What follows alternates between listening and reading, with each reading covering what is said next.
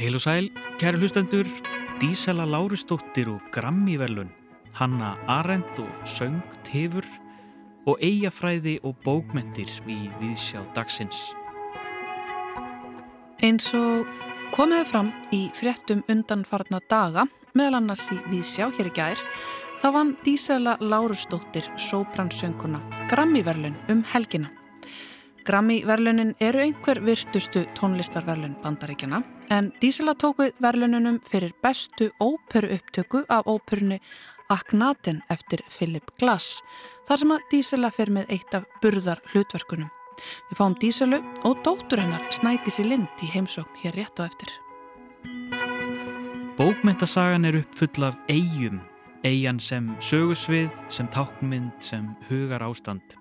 Í fyrirlestri sem haldin var í Háskóla Íslands í hádeginu í dag fjallaði Ástráður Eisteinsson, professor í almennri bókmyndafræði, um eigafræði og bókmyndir.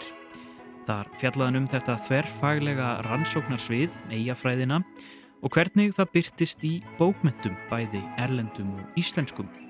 Ástráður verður gestur viðsjár hér í lokþáttar og segir okkur betur frá þessu forvitnilega fræðasviði. Snorri Raffn Hallsson, heimsbyggingur og dagskrárgerðamæður í Vín, heldur áfram með pisla sína um atvinnumál hér í Vísjá. Í dag fer Snorri Raffn á örlítið tilraunakendari slóðir en áður. Í pisli dagsins tengir hann heimsbyggi hönnu Arend við söngtefur, lítil skortýr sem að dvelja ofan í jörðinni mestan hluta ævinar. Hvað allir þær getur sagt okkur um stöðu vinnunar í tilveru okkar? En við byrjum á að taka múti góðum gesti hér í Víðsjá. Dísela Lárusdóttir, sópran söngkona, er nýkominn til landsins eftir að hafa tekið á móti Grammy-velunum í Las Vegas um helgina. Dísela lendi nú bara í morgun og mætti nánast beint til okkar í Vísjá.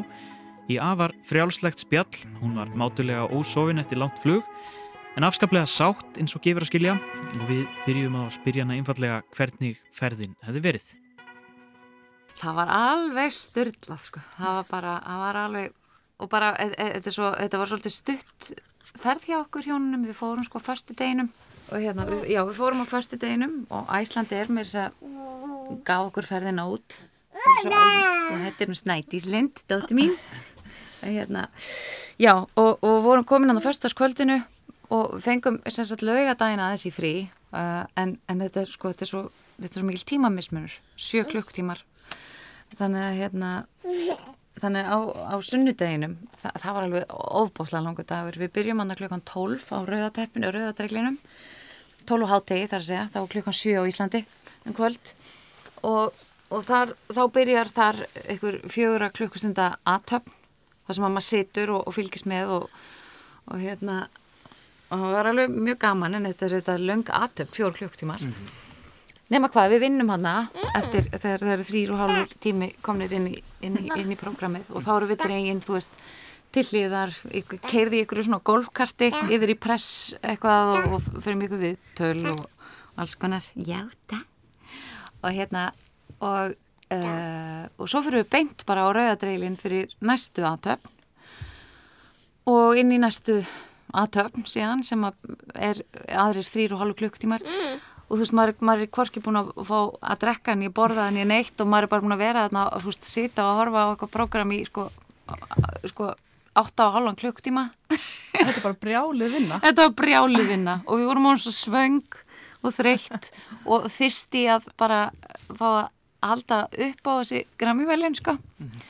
að hérna Þannig að þið voru bara þreytt og vannar þegar þú loksins er tilkynnt að þetta sveið Já, já, nei, nei, ég var ég, þeir, það var sko það var fyrri aðtöfnin þannig að það var eftir þrjá og halvan klukktíma uh, en, en svo, svo tók við þess að restin af deginu en, en jú, við vorum sko teknilega að segja þegar við loksins fáum okkur borða þá klukkan 5 um nótt á íslensku tíma. Já. þú veist þannig að það var mjög skrítið að fara og fá sér þú veist cheesesteak og bjóð þetta hljómar eins og það hefði verið bara svona óraunverulegur draumur þessi helgi. Hún var það svolítið. Er það ekki? Svo vakna maður bara í, gær, í rauninni í, í morgun tæknilega séð, því, því þetta var bara í gær hjá mér því ég vakna bara í morgun og fer sagt, á flugvöldin og í tengiflugið og svo náttúrulega svaf ég ekkert í flugvélina því ég bara sefi yfirleitt ekki í flugvél þannig að ég er ósofin og mætt beintinga þá Og var samt til í að koma og heimsækja okkur. Ég Já, já. þetta gott, sko. Í- og með maður- hana snæti sem með þér. Þér er skvillin í dag með þetta smösnitt Þannig að þú ert hérna komin bara til, í heimsallakari við sjá, ný komin úr flugi, með Já. dóttur þenni í fanginu. Já. Hún var að fá að súpa einna smá brjóst og Já. þú ert að drekka fyrsta kaffiballan.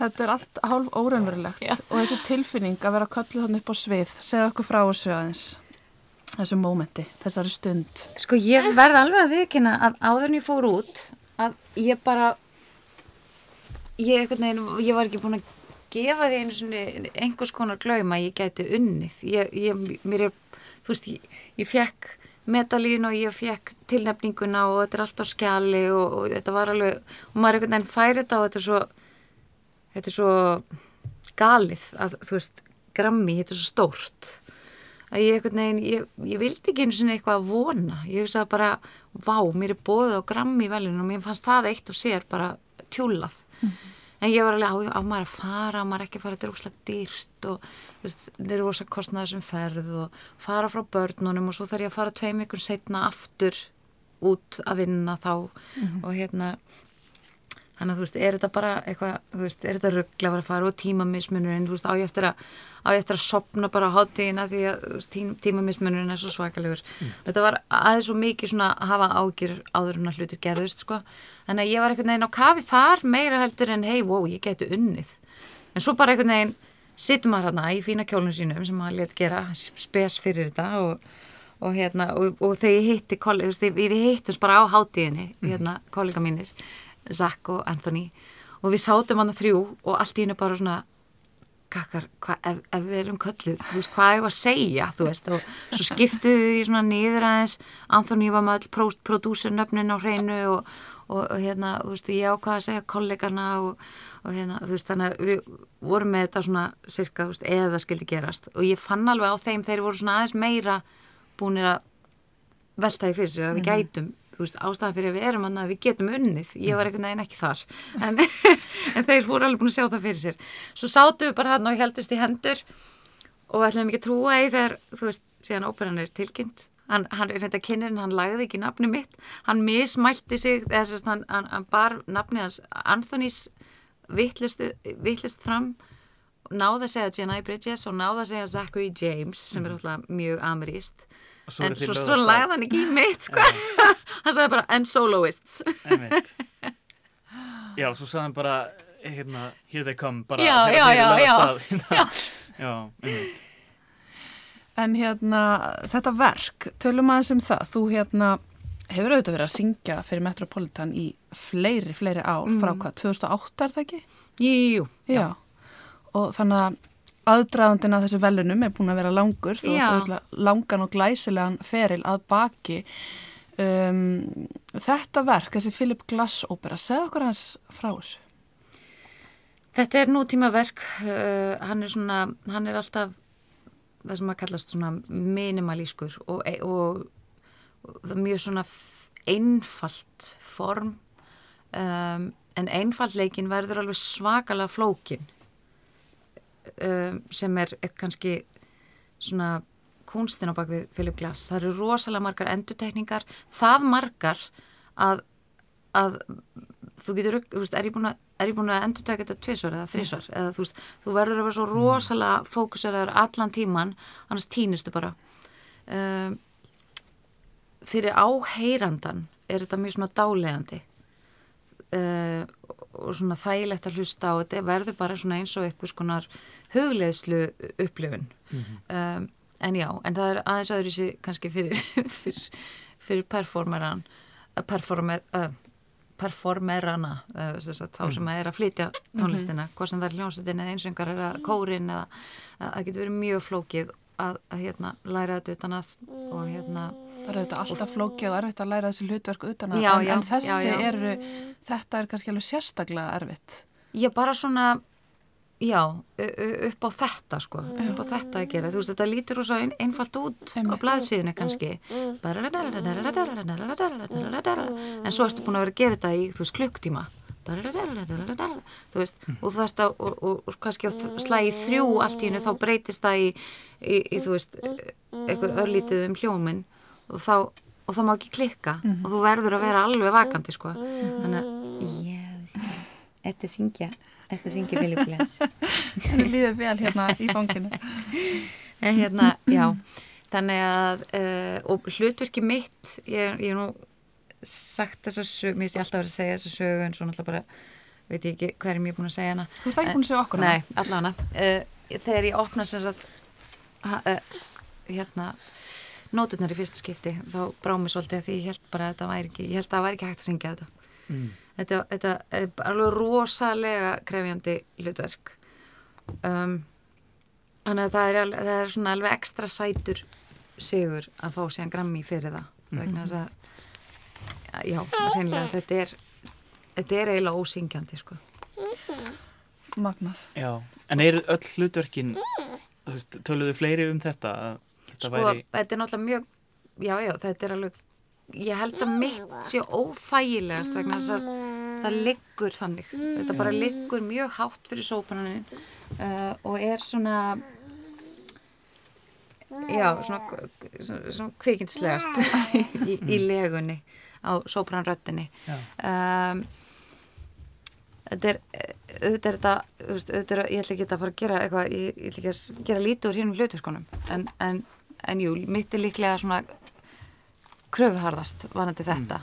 mm. uh, Anthony syngur með mér til dæmis hérna, þessi hluti sem ég er að tala um er í, er í öðrum þætti. Mm. og þá er, þá er þetta dúett millir okkar, það er mamman og, og sonurinn, Agnatin og það er mjög krefjandi fyrir hann líka. Uh, og þetta er svona eiginlega hálgjast marathón, þetta er, þetta er ekki náma nýju mínútur. Hljómar ekki eins og mikið. Mm. en ég hveti ykkur til þess að prófa að syngja þetta. Það er bara, er, þetta eru lengstum nýju mínútur sem að bara, já. Fyrir finnast. Já. hvernig undirbyrjum sig uh, fyrir þetta hlutverk? maður þarf bara að vera í góður allir formi, maður þarf að reyna að um, syngja eitthvað annað inn á milli bara til að halda sko að því, að því þetta hlutverk reynir í rauninni bara á þú veist þetta er bara einhverjar ég syng ekkit marga nótur tæknilega séð, ég er að syngja sko veist, ég, ég man ekki alveg ég held að sé, það er S og E og, og B B flatt uh, og, og A og As G, Vist, þetta er ekkert marga nótur en það er alltaf verið að endur taka þær. Og ef maður, ef maður syngur ekki eitthvað upp fyrir það eða niður fyrir það, þú veist þess á milli að þá einhvern veginn þá verður maður bara stífur og setur stífils í hálsin og, og, og gefst upp á endan sko. þannig að, og fyrir að beita sig vittlust, þannig að hérna ég man ekki, ég er svo ég komi svo mikið þanga, ég man ekki hvað spurningin var.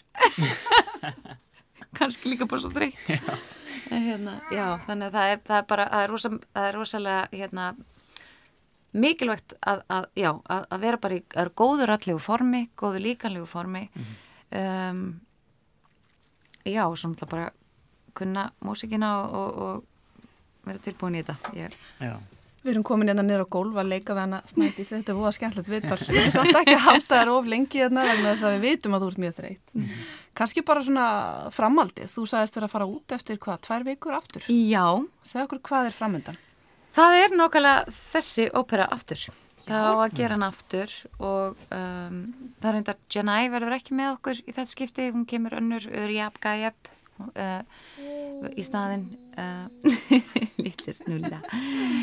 Og hérna, já, þannig að við erum að gera þessa, þessa uppsetningu aftur sem að, við erum við hlökkum rosalega til. Uh, þetta var alveg, þetta var alveg einstök og er alveg einstök síning.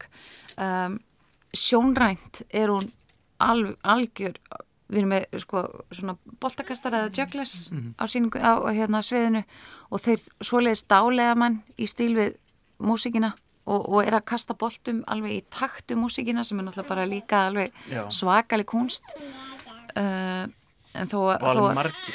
Já, alveg bara rosamargi, ég man ekki hvað er, ég held þessi 22 ég man ekki alveg. Mm -hmm. uh, en, en bara það er svo mikil samhildli í hópnum, þetta er svo góður hópur og bara við erum einhvern veginn öll sem eitt þegar við erum á sviðinu og, og það greinilega skilaði árangri að því að við fengum síðan þessi, þessi verðlun sko mm.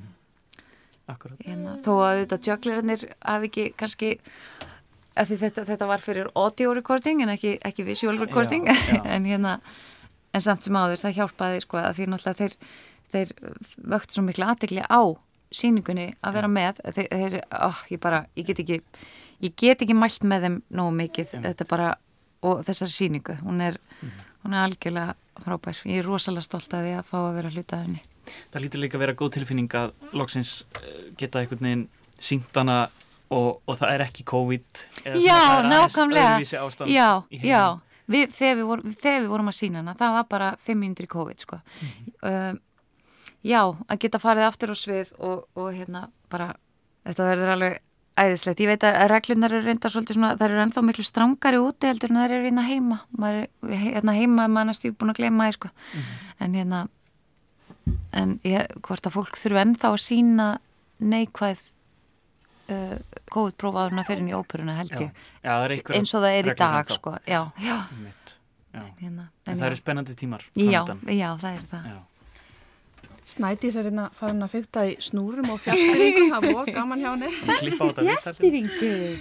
Hérna, já, bara virkilega gaman að fá þið Dísela og til Já, takk. hammingi Já, takk innilega. fyrir kærlega, takk fyrir mig, Og takk hérna, við mig. fáum þið kannski síðar bara í lengra viðtal þegar þú ert ekki svona þreytt og fáum að heyra betur að því hvernig er bara að lifa og starfa sko beggja vegna allansás Já. og hvernig þetta líf er. já, Það væri voða gaman. já Til endilega. aftur og Já, gangi takk- þér vel. Takk fyrir mig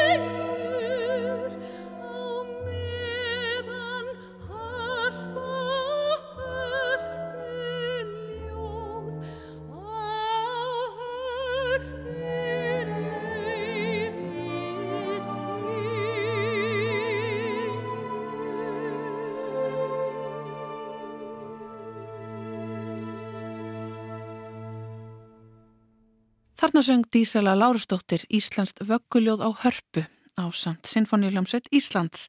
Þetta var upptaka frá klassikinu okkar 2020, tónleikum Ríkisútvarpsins sem fóru fram í hörpu í september 2020. Fagurt vögguljóð við texta Halldórs Lagsnes er eftir viðtali við nýbakaðan Grammy verðlun að hafa sem er sannarlega svepp þurfi eftir ævintýri helgarinnar. Heldur betur, en við þökkum Díselu og dóttur hennar Snædísi Lind kærlega fyrir komuna. Og við höldum á aðrar slóðir, Snorri Rapp Halsson, heimsbyggingur og dagskrafgerðanmaður í Vín heldur nú áfram með pisla sína um atvinnumál. Í dag tengir Snorri Rapp heimsbyggi hönnu Arend við söngtifur, lítil skordýr sem dvelja ofan í jörðinni mestan hluta ævinar. Hvað ætli þær geti sagt okkur um stöðu vinnunar í tilveru okkar? Snorri Rapp, tekur nú við. Það er anspænis varanleika heimsins sem við berum kennsl á heið hverfula. Æfiskeið söngtifa er 13 ár eða 17 ár og verja þær meiri hluta þess neðanjarðar. Nærast á safa og rótum sumargrætna trjáskóa. Við vinnum til að halda okkur lífi. Við framleiðum til að halda heiminum við. Við aðhöfumst til að gefa því öllu merkingu. Þannig má draga saman þrískiptingu grundvallar virkni mannsins eins og hún er sett fram í The Human Condition eftir hönnu Arendt. Titill þísku útgáfunar Vita Activa Hið virka líf. Eftir 13 ár eða 17 ár neðanjarðar koma söngtifurnar upp að vori. Vanalega á vorkvöldi þegar hiti jarðveksins á 20 cm dýpi nær 18 gráðum á Celsius. Þetta gerðist síðast í fyrra þegar urpt 10 brust upp úr jörðinni í austanverðum bandaríkjunum. Þetta mun gerast aftur vorið 2024 þegar urpt 13 tekur yfir Illinois og hluta af Iowa, Wisconsin og Indiana. Hver virkni mannsins tengist einu af skilirðum lífsmannsins á jörðinni? Lífi, veraldleika, fjölbreytileika. Þegar söngtifurnar koma upp á yfirborðið hefst umbreytingin frá giðlu til imagos. Fullorðins skeiðið varir einungis í nokkrar vikur eða mánuði og meðan á því stendur fjölga söngtifurnar sér án afláts. Tilgangur þessa skeiðis er einn og aðeins einn, ekslun. Svo staðrenda við erum á lífi, svo staðrenda við erum líffræðilegar verur, gerir það verkum að við verðum að vinna. Við vinnum til að afla þeirrar fæðu sem við neytum. Og þetta er eilífleg og sí endurtekinn ringgrás, skilgreind af þeirri nöðsinn livsins sem við deilum með öllum öðrum lifandi verum. Að þessu leitinu til er mannskeppnan hið vinnandi dýr, animal laborans. Karlkins söngtifur sapnast saman í gríðarstórar þyrpingar og syngja í kór til að laða að sér kvendýrin. Söngin framkallað er með því að draga saman himnu í kviðarhólinu og stök Karlkins söngtifa getur gefið frá sér hljóð sem er 100 decibelað styrk. Ímyndaði þér hvernig það er þegar þúsundir ofan á þúsundir syngja á sama tíma. Kvenkins söngtifa bregst við álitlegu karldýri með því að blaka vangjum sínum. Karldýrið færi sig þá nærenni og breytir lægi sínu í pörunarsöng. Þau tvö framkalla hljóð saman, svo ægslast þau. Hvað svo sem við sköpum með vinnu okkar neytum við innan skams. Líkt og náttúran er vinnan ringrás, klifuð og linnulaus. Hún skilur ekkert eftir sig annað en það að hún heldur okkur á lífi. Án hennar yrðum við útdauð tegund. Vinnan varðar engöngu líf okkar og líf tegundarinnar. Stakt líf, markaða fæðingu og dauða hefur enga merkingu í samengi vinnu og nöðsynjar. Við erum öll svo gott sem alveg eins þegar við vinnum. Þarfir okkar og langanir segja ekkert um tilvist aðgrendra einstaklinga og séð frá sjónarhóli nöðsynjarinnar er mannkynnið óaðgreinanlegur fjöldi. Söngtifur sækja styrk í fjöldan. Þær geta verið alltaf 1,5 miljón á hverri ekru. Fjöldin er slíkur að þær geta seðjað hungur rándýra og samt lifa nægilega margar af til að fjölga sér og tryggja lifun tegundarinnar. Þegar við vinnum erum við ekkert nema dýr, ekkert frábröðunar söngtífunum. Að ekslun lokinni sker kvendýrið rifur í smáar greinar trjána og verpir þar ekkjum sínum. Nokkrum vikum síðar klekjast þau út. Giðlutnar falla til jarðar og grafa sig niður þar sem þær munu nærast á safa og rótum sumargrætna trjáskóa næstu 13 árin eða 17 árin. Svo endur tekur þetta sig. Við getum verið meira en dýr. Við erum ekki bundin við náttúrulegt umhverfi okkar. Við getum skapað okkar eigin heim, heiminn sem við svo lifum lífum okkar í. Þegar við sköpum erum við homo faber, hinn framleiðandi maður. Með framleiðslu losnum við að hluta til úr viðjum hins nöðsynlega. Ringgrásinn verður línuleg og það er notagildið ekki nöðsynnin sem ræður ríkjum.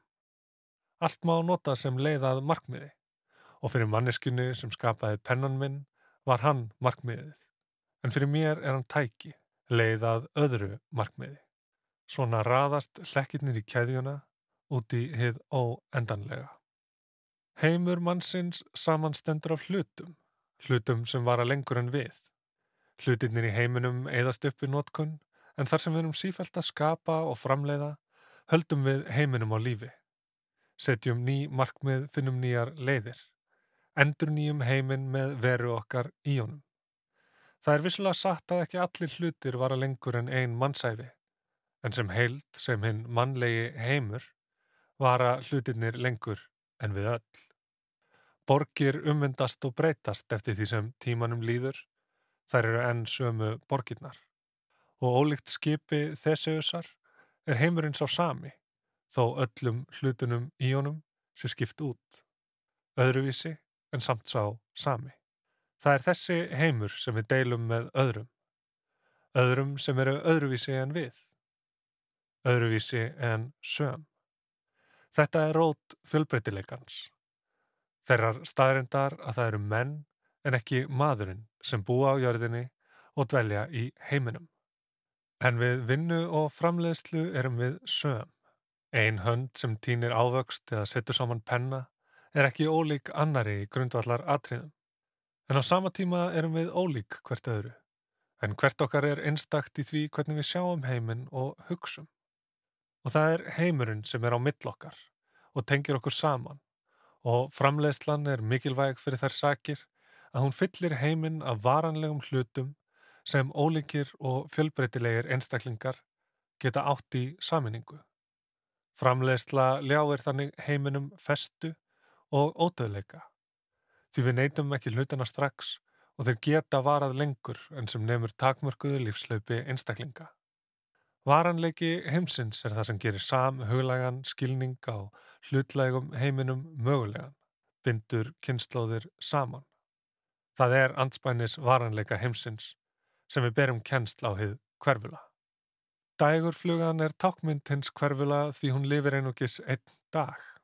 En ég kýs heldur söngtifurnar, drinjandi söng þeirra þegar þær grafa sig upp úr jörðinni eftir 13 ár eða 17 ár til þess eins að ægslast í nokkrar vikur og deyja.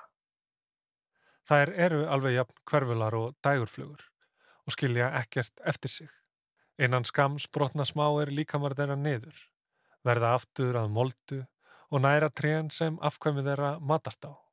Þetta er ringlaga tími og á línulegri ratsjá heimsins eru þessir atbyrðir varla deplar. Söngtifurnar eru hér og svo eru þær ekki hér lengur. Eins og íslenska sömarið, örstutt hliðarspor, merkingabærar aðtapnir. Ef mannfólkið væri allt samt, hefðum við enga þörf fyrir að tjá okkur. Hvert og eitt okkar, alveg eins og hitt, myndi ávalt nú þegar skilja viðmælandan. En ef við værum ekki söm að stórum hluta, getum við heldur aldrei skilið hvort annað.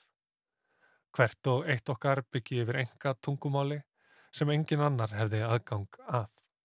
Og vegna þess að við deilum heiminum með öðrum sem eru ólík okkur, verðum við að aðháast. Við þurfum að taka ákvarðanir um málefni okkar mannana, komast að samkommulagi og gera mála miðlanir, því hvert og eitt okkar er jú einstakt.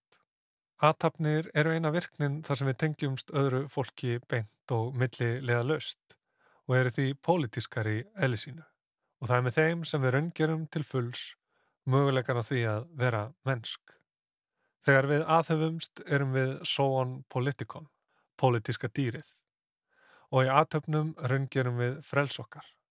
Við erum einungis frjáls þegar við aðhefumst með öðrum. Brjótumst undan reglum, nöðsynjar og notagildis, förum handan tegundar og lífs, leiða og markmiða og hefjum eitthvað nýtt og eitthvað óvænt. Við getum aldrei sagt með vissu fyrir um afleiðingar atamnakkar Það er eiga sér stað í heimi sem er utan okkar valds. Við aðhöfumst og sjáum svo hvað gerist. Hver og hvað við erum er ekki skilgreint af mannlegri náttúru, af vinnu okkar eða framleiðslu. Í þeim erum við öll söm. Við verðum einungis eitthvað einstakt þegar við aðhefumst í heiminum þar sem aðrir byrtast okkur og við byrtumst öðrum. Því veröld byrtingarinnar eru vera og byrting hið sama. Við afhjúpum hver við erum þegar við aðhefumst og það er einungis sannreint þegar aðrir sjá það. Þar sem vinna og framleysla hafa runnið saman í eitt. Þar sem allt er orðið að nýstlu vöru er þetta kannski það hverfulasta af því öllu. Að raunverulega vera eitthvað í augum annara. Við þurfum ekki að vera eins og söngtifurnar. Sometimes making songs for a living feels like living to make songs. And sometimes I get an uneasy feeling that I'm doing something wrong.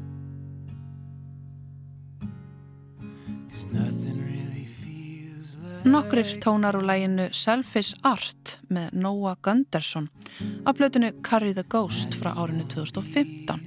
Hér á eftir pisli Snorraraps Halssonar um heimsbyggi Hönnu Arendt, söngtifur og stöðu vinnu í tilveru okkar mannana. En þá er komið að eigafræði og bókmyndum.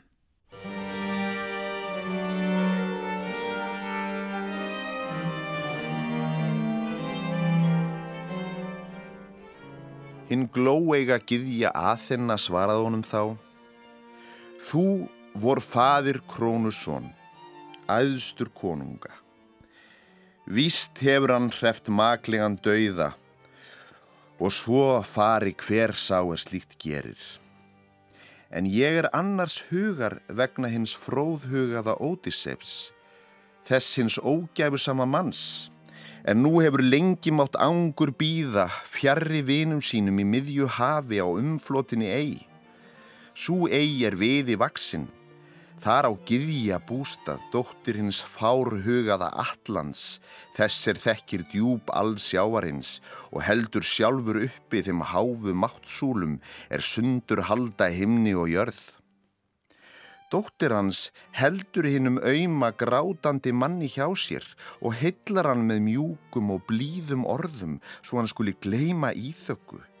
En Ódíseifur sem langar til að sjá þó ekki væri nema reik upp stíga af föðurlandi sínu óskar sér að hann væri dauður.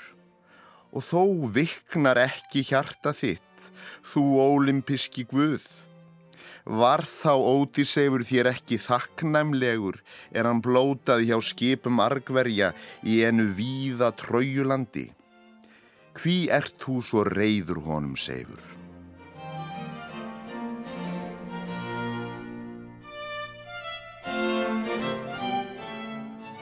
Hér heyrðum við Benedikt Erlingsson lesa úr fyrstu bók Ódiseifskviðu Hómers í þýðingu Sveinbjarnar Egilssonar. Þarna í upphafi kviðunar er sagt frá rakningum Ódiseifs sem eftir langt trójustríð vill komast heim til eigunar Íþöku en góðleg öll toga ferð hans í hinnar ímsu áttir á leiðsinni yfir miðjarar hafið. Eigur koma víða við sögu í Ódiseifskviðu eins og reyndar annar staðar í bókmyndasögunni, eigin sem sögusvið, sem tákn, sem hugarástand. Í fyrirlestri sem haldin var í Háskóla Íslands í hádeginu í dag fjallaði Ástráður Eisteinsson, professor í almennri bókmyndafræði, um eigafræði og bókmyndir. Þar fjallaði hann um þetta þverfaglega rannsóknarsvið, eigafræðina, og hvernig það byrtist í bókmyndum, bæði erlendum og íslenskum. Ég settist niður með ástráði og spurðan aðeins nánar út í þetta forvitnilega fræðasvið. Ástráður Eisteinsson, velkomin í Víðsjá. Takk fyrir. Uh, Þessi fyrirlestur sem þú helst í dag, uh, bara yfirskriftina Eyjafræði og bókmyndir, Uh, þurfum við ekki aðeins að staldra við þetta hugtak eigafræði fyrir þá sem þau sem við dekki. Hva, hvað er þetta? Já, eiga fræði, þetta er, þetta er náttúrulega bæði, bæði gamalt fyrirbæri og, og nýtt. Men, það er náttúrulega lengi eh, stundað eitthvað konar rannsóknir á, á eigum Mhm. og um, það má fara sko, svona, hugmyndalega alveg aftur til Platons til dæmis og, og, og, og velta fyrir sig hvernig hann notar hugmyndin um Atlantis sem að viljum bara hennilega meina að hann hefði búið til sjálfur Mm. um eiguna Atlantis sem verður eitthvað skonar samanburðaríki við, við, við já, hugst, í raun og veru hans eigin hans eigin ríki svo ég vísi nú í, í, í það verk. Og, og, og, eh, og Atlantis eh, náttúrulega fer halloka út úr þessum samanburði og Atlantis er náttúrulega eigin sem, sem sekkur eða, eða landið sem sekkur. Og lengi var nú talið að þetta væri, hefði raunverulega gerst og, og, og væri eitthvað staðar í, í Allandshafinu milli, milli Evrópu og, og, og Ameríku en er svo sem flestir horfið frá þeirri, þeirri hugmynd. En, en, en, en hugmyndin sjálf og hugmyndalega er hún mikilvæg vegna þess að, að, að þarna er eigin ákveðin mælikvarði Mm. á stjórnspeki í þessu tilviki og ymmislegt annað. Og það sama á viðrendar um uh, verkið Utopíu, fræga verk Utopíu eftir Thomas More sem kemur 1516, alltaf löngu síðar. En, en einni í svona stjórnspekilegu riti þar sem að þar sem að hérna eh, er, er búið til eða, eða, byrt mynd af fyrirmyndaríki sem verður það meðal hans vegna þess að það er beinlýnis aðskilið frá er búin til eiga Utopí er, er, er hérna er bara grafið sundur þannig að, að, að, að hérna, Utopían er aðskilin frá megin, hún verður að eigu, verður umlökin uh, hafi. Mm. og, og hefur þann, þann svona þá, það grundvallar innkenni eiga og, og, og hérna og þessi hugsun uh, hún, hún lúrir mjög víða uh, og, og þetta þessi umlukning ég, hérna, eh, sem að ég verð nú eiginlega að nota reyna að nota það, það, það er nafnorð þó að það heyrist ekki oft. Nei. þetta er kallað boundedness á ennsku grundvallar einkenni eiga það er hérna, um, um luktar já, hafi eða vatni. Þetta hefur náttúrulega skipt gríðarlega miklu máli í margs konar rannsóknum, ekki síst í lífræði og, og Darwin náttúrulega eh, margar af hans helstu niðurstöðum eru, eru, eru byggja á rannsóknum á eigum þar sem að skapast sérstök skilirði og hægt er að rekna hlutina út á, á sérstakann hátt eh, vegna þeirra aðstæðana Já, vegna einangrunar. vegna einangrunar uh, hérna dýrategundarinnar þar eða gróðurs í öðrum tilvikum margir fræðimenn sem hafa rannsakað á eigum og það fóru síðan mannfræðingar að gera líka mm. Malinovski, hérna, Bronislav Malinovski og Margaret Mead til dæmis stunduðu sínar eh, svona veigamestur rannsóknir á, á mannfólki á, á eigum þannig að, að eh, og nú orðið er, er, eru eigjar eh, til dæmis mjög mikilvægar í, í rannsóknum á umhverfis áhrifum eh, og í, í þeirri miklu umræðu sem að og, og viðbröðum, vonandi vaksandi viðbröðum eh, sem að hérna fara að einkenna samtíma okkar. Eh, eigjar eru eh, veðurvitar og, um, og, og, og, og þær eru næmari á umhverfið en, en, en, en flest öll landsvæði. Akkurat. Þannig að, að það er fylst mjög nákvæmlega með uh, lífríkinu á, á einstökum eigum uh, í þessar um hnöttin, um þessa myndir, til þess að reyna að lesa, lesa um hverjus áhrifin. Þetta bara svona sem dæmi um eigafræðin, svo náttúrulega í, í, í bókmyndunum, að, að, sko, uh, það eru, það eru það, til orðin samtök fyrir ekkit allt og lungu í eigafræðum, þar sem reyndir að leiða saman og, og, og hefur á nokkuð liti verið gert á árangusíkan hátt að skapa, skapa samræður milli fólks úr ólíkum hérna, geirum eh, fræ, fræðana þannig að, að, að náttúrufræðingar er að ræða við, við, við hinsbygginga og, og, og hérna, veðurfræðingar að, að, að tala við bókmyndafræðinga og svo fræðis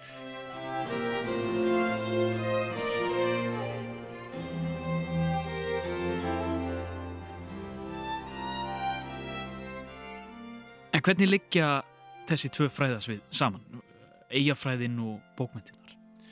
Já, sko, það er náttúrulega eh, fyrir utan bara almennan sko svona land og mannfræðilegan áhuga sem að, sem að eh, bókmyndafræðingar hafa á veröldinni að þá er það nú þannig að, að þó að þó að eigjar séu innan við 2% af, af landsvæðum jarðarinnar um, eru raun og veru aukaatriði á, á jörðinni ef að hortir á þetta bara í tölum með að við, við hinn stóru meginlönd og þetta kemur kannski ekki sum og óvart að, því að, að við ímyndum okkur við þekkjum svona, eða vitum af svona stórum eigum eins og Grænlandi Mhm. að, að þá uh, þegar á reynir þá eru eigar samt svona bara í raun og veru agnar lítið hluti Mm. af, af heldar jarð uh, hérna jarð uh, sem satt í yfirborðinu Mm. þinnu þurra yfirborði jarðar En svo náttúrulega heimsálfa sem við köllum eigi álfu. Já, og það er endar er nú eitt umræð, svona síkilt umræð efni í þessum fræðum, það er að hvort Ástralía eigi að teljast uh, meginland heimsálfu eða, eða vera eigja og flestir er nú að því að, að telja hana meginland Já. og, og, og hérna, en það eru til einstaklega sem vilja bæði hafa Antartíku og Ástralíu sem eigjar og sem, að- og, sem að breyta náttúrulega svolítið mikið öllum viðmiðunum. Uh, þannig, já, já, það er, það er margt svona sem, að, sem er uh, kannski bara skemmtilegt að sé verið að, að rökraða fram og aftur. En, en flestir er nú á því að Grænland sé stærsta eiga jarðar Mm. uh, og, og, og Ísland sé í átjónda sæti og, og okkar, okkar land er eitt af þeim einn þeirra eiga sem uh, er, er í raun og veru uh, frekar stórar en, en uh, mannfjöldin ekki mikill. Uh, og, og, ég hef til dæmis sérstakann á að því hvernig, í bókmentunum, hvernig, hvernig tilfinning fyrir eigu er miðlað í bókmyndatekstum og, og, og þú maður þarf svo sem ekki að fara til bókmynda það er yðurlega í fjölmjölun sem, sem heyrir fólk segja við við erum nú hérna örfá á lítill eigu norður í Ballarhafi og, og það er svo skrítið þar að, að hérna mannfæðin, hún er, hún er bara þitt yfir í, yfir í smæð Já, akkurat. Eh, en, en Ísland er, er náttúrulega stór eiga, eh, svo átjónda stærsta í heimi og, og, og Ísland er stærra heldur en fjölmörg Evrópuland sem að fólk kannski hugsa ekkit úti við Ísland er stærra en Portugal, Ungverjaland, Serbía og þannig mætti lengi áfram telja. En, en við erum alltaf bara örfá í raun og veru, eh, hérna Þaðan kemur náttúrulega þessi smæð og, og þessi hugsun að... já, hún kemur einhvern veginn út frá því, því, út frá því hvað við erum fá. Mm. um, sko miða við eh, litla hlutdeild eiga í, í, í veröldinni hvað varðar, hvað varðar svona mældan landmassa þá, Mm. þá er hafa eigar hins vegar leikið gríðalega mikil hlutverklins í bókmyndunum og hreinlega bara eitt af líkil verkum vestrætna bókmynda Ódysseis kviða er ég framt uh, náttúrulega eitt megin eiga verk bókmyndasögunar Mm. Og, um, þessi eiga verk þau hafa sem fengið heilmikla aðtíkli og Ódysseis kveða náttúrulega er, er að mörguleiti snildar verk um mann sem er tíu ára á sveimi um meðrahafið frá einni eigu til annarar og, og, og, er, og er á leiðinni heim til sinnar eigu um bara, það tekst ekki fyrir eftir svona langan tíma. En um, að þetta verður svona ákveðin uh, ákveði grundvallarverk í hugsun um mannslífið og, uh, og ferðalagið og tengslinn við mismunandi uh, staði og mis, mismunandi fólk. Við þessu tilviki beinleginis er líka góðum líkt fólk eins og ótti sér skveðu það eru, það eru hérna gyðjur tvær sem að halda honum föngnum svona í raun og veru uh, hálfvegis hjá sér uh, mjög lengi, hérna, lengi stóran hluta þessum tíma En svo fáum við verk bara, já eins og hérna, ég nefndi nú Utopía eftir Thomas More, uh, svona eitt af þessum grundvallarritum sem mikið er vísað til og mikið ofviðrið, uh, The Tempest eftir Shakespeare, verk sem er undir texti í fjölmörgum öðrum bókmentaverkum og svo yfir í verk eins og uh, Robinson Crusoe eftir Daniel Defoe sem, að, sem að er ekki aðeins eina þekktustu skáldsögum Vesturlanda heldur heldur verk sem er hennilega bjóð til alveg heila bókmentagrein kallað Robinsonades að það er verk sem að bara eru í raun og veru koma, bara eru, eru skrifuð út frá þessari grundvallar hugmynd Mhm. sem að þið fó uh, byggðir endar sjálfur á raunverulegum raunverulegri dvöl mann sem var einn í uh, ykkur ára á, á eigu út af Söður Ameríku. Og þessi, þessi innvera á inni og, og, og það að bjargast samt og, og koma sér upp heimili eh, og einhvern veginn ná tökum á þessu umhverfi gera þessa eigi að, sí, að sínu ríki. Hann tala, hann tala, hann hugsaður um sér stund sem konungan, uh, Robinson Crusoe. Uh, þetta hefur eitthvað gríðalegt aðrátturafl sem, að- sem, að- sem að tengist að einhverju leiti svona tilfinningunni fyrir, fyrir bara mannlegri tilvist. Já. Hver- hvert er, hver eru umsvif okkar? Hvert er umdæmi okkar? Hver eru, útlínur okkar, sko, aðrar en líkaminn, hvað er líkja, hvað eru þær útlínur? Mm. Og þarna komum við inn á svið sem að bókmyndirnar hafa náttúrulega sint uh, mjög vel held ég og, og, og sótt mjög í það, Mm. og, og gert það bara alltaf því náttúrulegan hátt að tengja saman uh, mannin, einstaklingin og eiguna. Ég vil þó að frækt skáld og, kirkjunum að John Donne hafa einu sinni sagt engin maður er eiland, allir eru hluti af meginlandi af því að það er eitthvað óttalegt við það að vera eiland.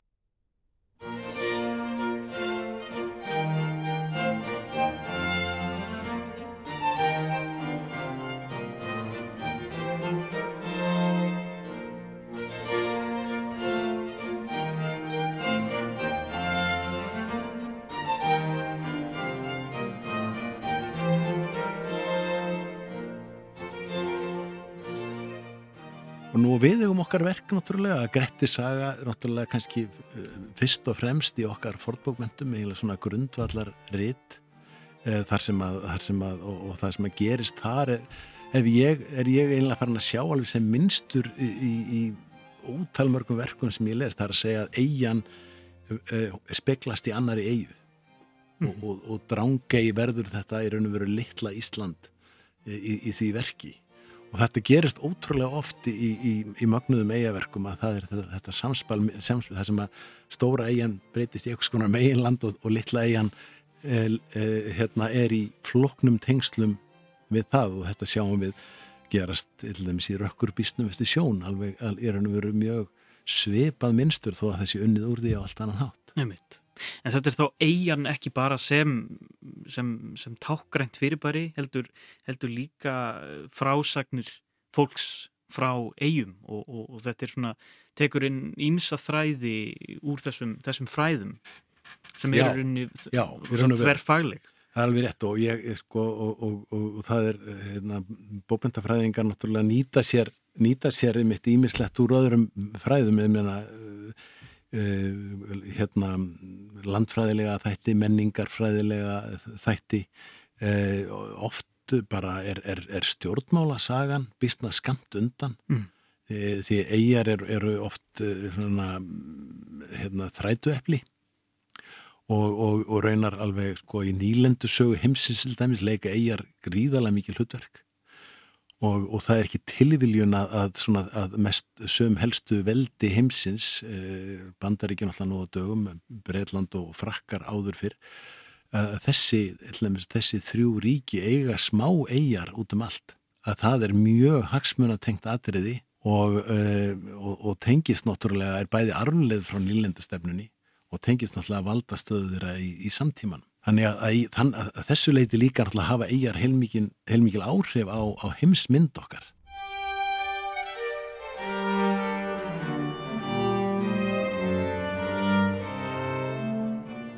En kannski bara svona rétt að lokum þetta fræðasvið, eigafræði í samhengi við bókmyndirnar. Er þetta óplæður akur? Er þetta eh, svið sem þarnast eh, frekar er rannsókna?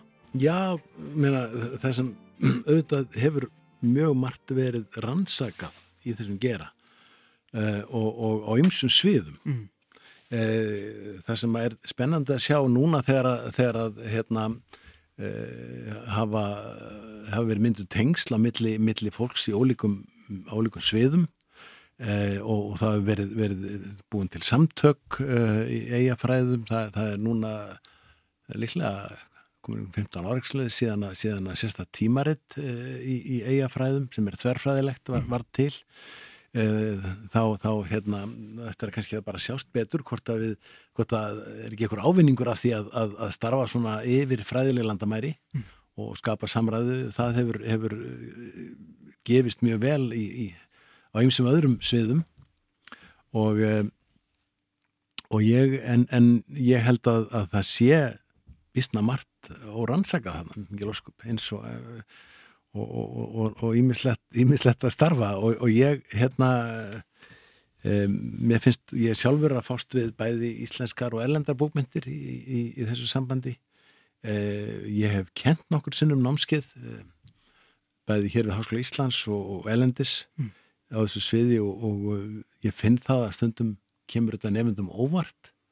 Eh, og, og, og það, þau tala ég vel um að það sé eh, þetta, þetta opni svolítið nýtt sjónarhótt fara að fara svolítið að horfa öðruvísi á á umhverfið sem verður að stúdera. Það er náttúrulega oft meiri áhersla á staðin, á, á, á náttúruna, á, umbúnað mannlífsins heldur en í, í, í, í svona í venjulegum um, eða hvað var að segja, venjulegum, hvað er venjulegt heldur en í svona þessum, þessum rannsóknum á, á bókmyndu sem beinast nú gætnan að personum mm. Og, og, og söguminstri e, frásagnar aðferð þetta skiptir auðvitað allt máli.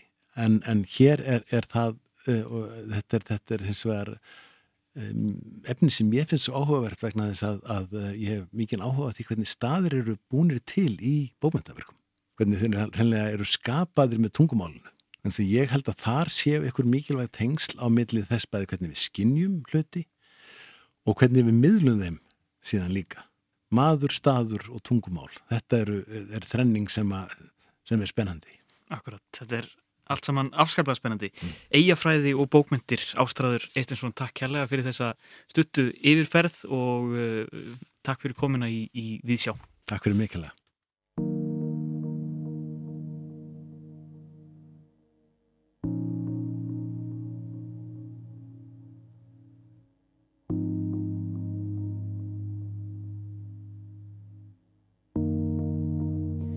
Lægið Öldurót af plötunni Island Songs, Eija lög eftir Ólaf Arnalds sem var einmitt líka stattur á Grammy velunaháttíðinni á samt Díselu Lárusdóttur um helgina. Þar var hann tilnemdur til tvekja veluna fyrir sína tónlist og við óskum honum innilega til hamingju með það.